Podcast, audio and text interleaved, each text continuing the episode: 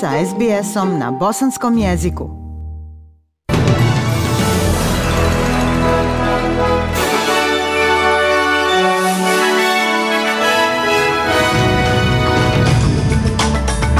Premijer Tasmanije Peter Gutwein iz stranke liberala dobija i drugi mandat.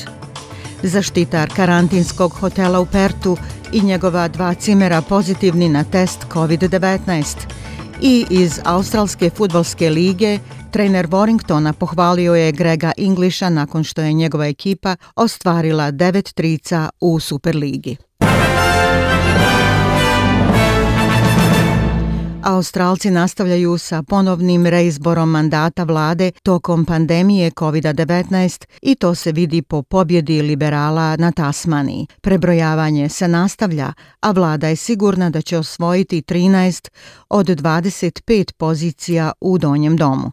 Vođa laburista Rebecca White priznala je poraz na izborima u Tasmaniji, čestitajući liberalima na pobjedi. Gospođica White je izjavila da će uprkos tome što su laburisti izgubili šansu da dobiju većinu, nastaviti s unapređenjem države. Širom zemlje vidimo podršku već vladajućima koji se nagrađuju za upravljanje COVID-19 i nema sumnje da su Peter Gutwein kao i drugi znanstveni zvaničnici uspjeli da održe našu zajednicu sigurnom i večerašnji rezultati to pokazuju. Premijer Peter Gutwein kaže da je počašćen i privilegovan da je dobio još jednu šansu da vodi državu. And whilst we have won this election convincingly, it appears increasingly likely I dok vidimo da smo ove izbore dobili ubjedljivo, čini se da ćemo dobiti i veliku većinu u vladi. Zeleni su povećali svoju ulogu uprko spadu zastupljenosti ove partije u parlamentu Tasmanije. Majski budžet će uključiti paket od 1,7 milijardi dolara za vrtiće, ciljajući na uključivanje što više roditelja u poslove sa punim radnim vremenom. Nakon sedmice kada su grupe za poslove, socijalnu pomoć i obrazovanje zahtijevale više izdašan, a manje složen sistem brige za djecu, rizničar Josh Freidenberg je uzvratio servis s paketom koji naročito cilja na porodice sa srednjim i nižim prihodima u iznosu od 130.000 dolara godišnje, pa i manje. Ministrica za ženska pitanja Mariza Payne kaže da će paket povećati subvencije porodicama sa više od jednog djeteta u vrtiću.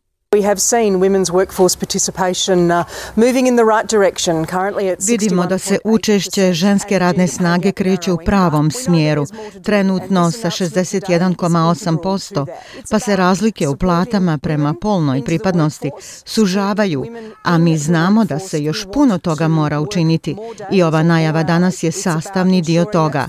Radi se o tome da se žene podrže kao radna snaga i podržava ih kao radnu snagu koja hoće da radi više dana ili više sati.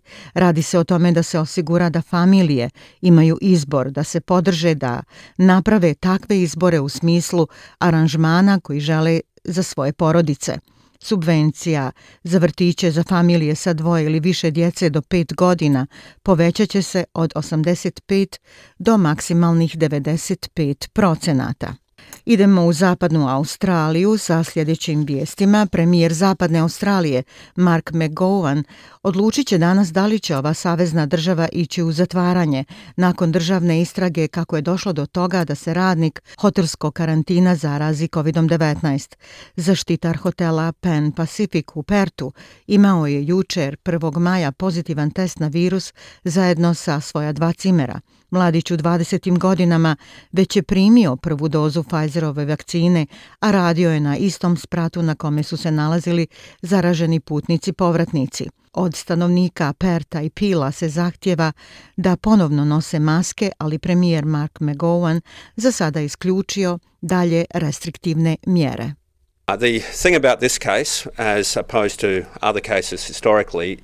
Stvar oko ovog slučaja koji je suprotstavljen drugim slučajevima u njihovom porijeklu je da se osoba zarazila dok imamo na dijelu ogroman broj restrikcija u zajednici, a to znači da imamo viši stepen povjerenja da se virus neće proširiti, pa ipak to nećemo znati prije izvjesnog vremena dok se ne povećaju naša testiranja.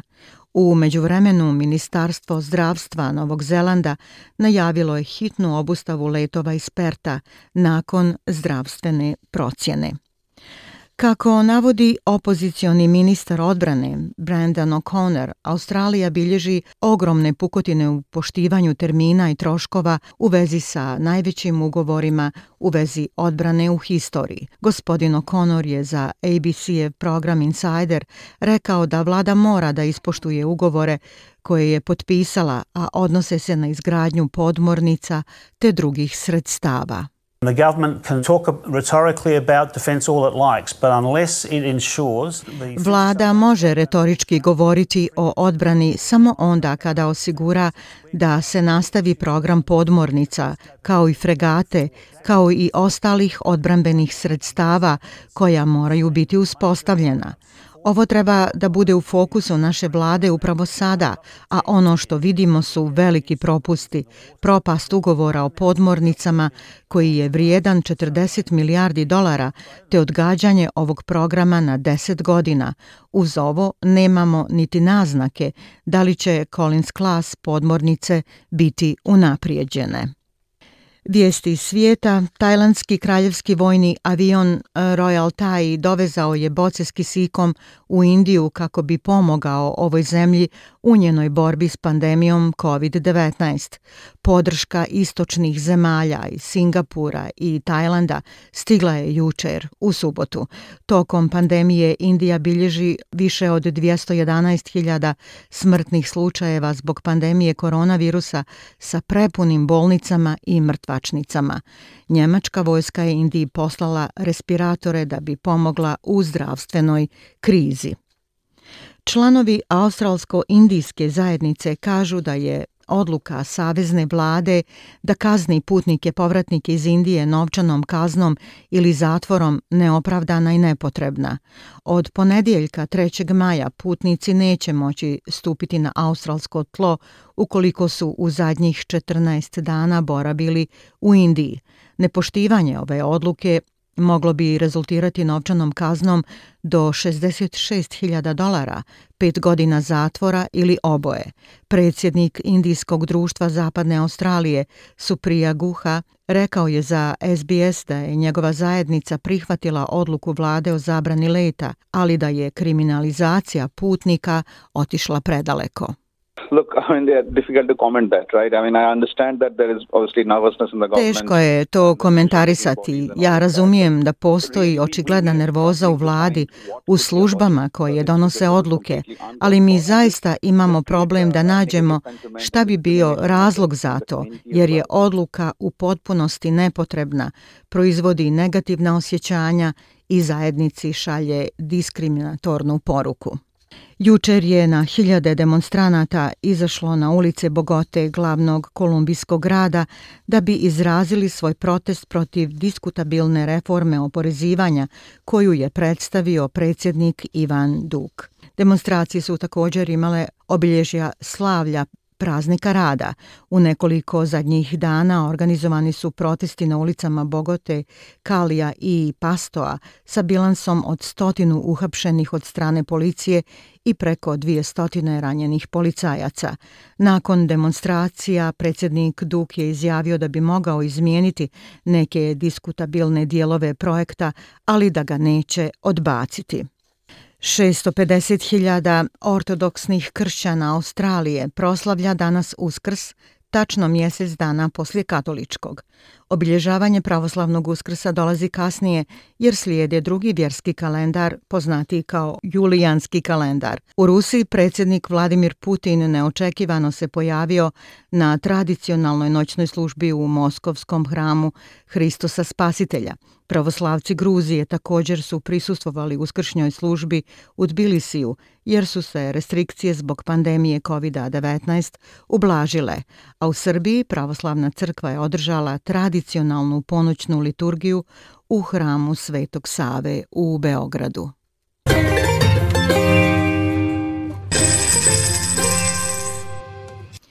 Prema kursnoj listi, australski dolar danas vrijedi 0,77 američkog dolara, 0,64 eura, 0,55 britanske funte te 1,25 bosanske konvertibilne marke. I vijesti sporta, trener Borningtona je pohvalio Grega Englisha nakon što je njegova ekipa ostvarila devet trica u Superligi u povratničkoj pobjedi od 50 naprama 26 nad Hull KR Halliwell John stadionu. 34-godišnja zvijezda je povukla svoju odluku o penzionisanju iz 2019. godine i potpisala jednogodišnji ugovor s Vukovima te je napokon, nakon propuštanja do sadašnjih pet utakmica u ligi i kupu uskočio na poziciju lijevog centra i pokazao punu snagu u zadnjih 25 minuta nakon što je ušao u teren zbog povrede Marka Eštona.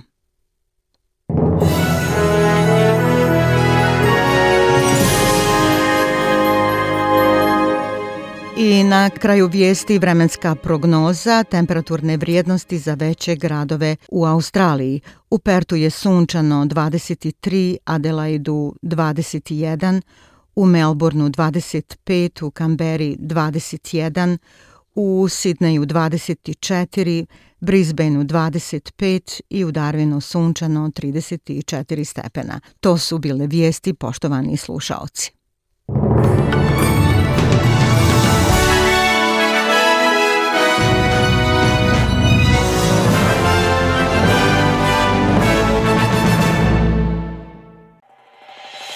SBS na bosanskom. Podijelite naše priče preko Facebooka. Želite poslušati još ovakvih priča? Slušajte preko Apple podcasta, Google podcasta, Spotify ili kako god da primate svoje podcastove.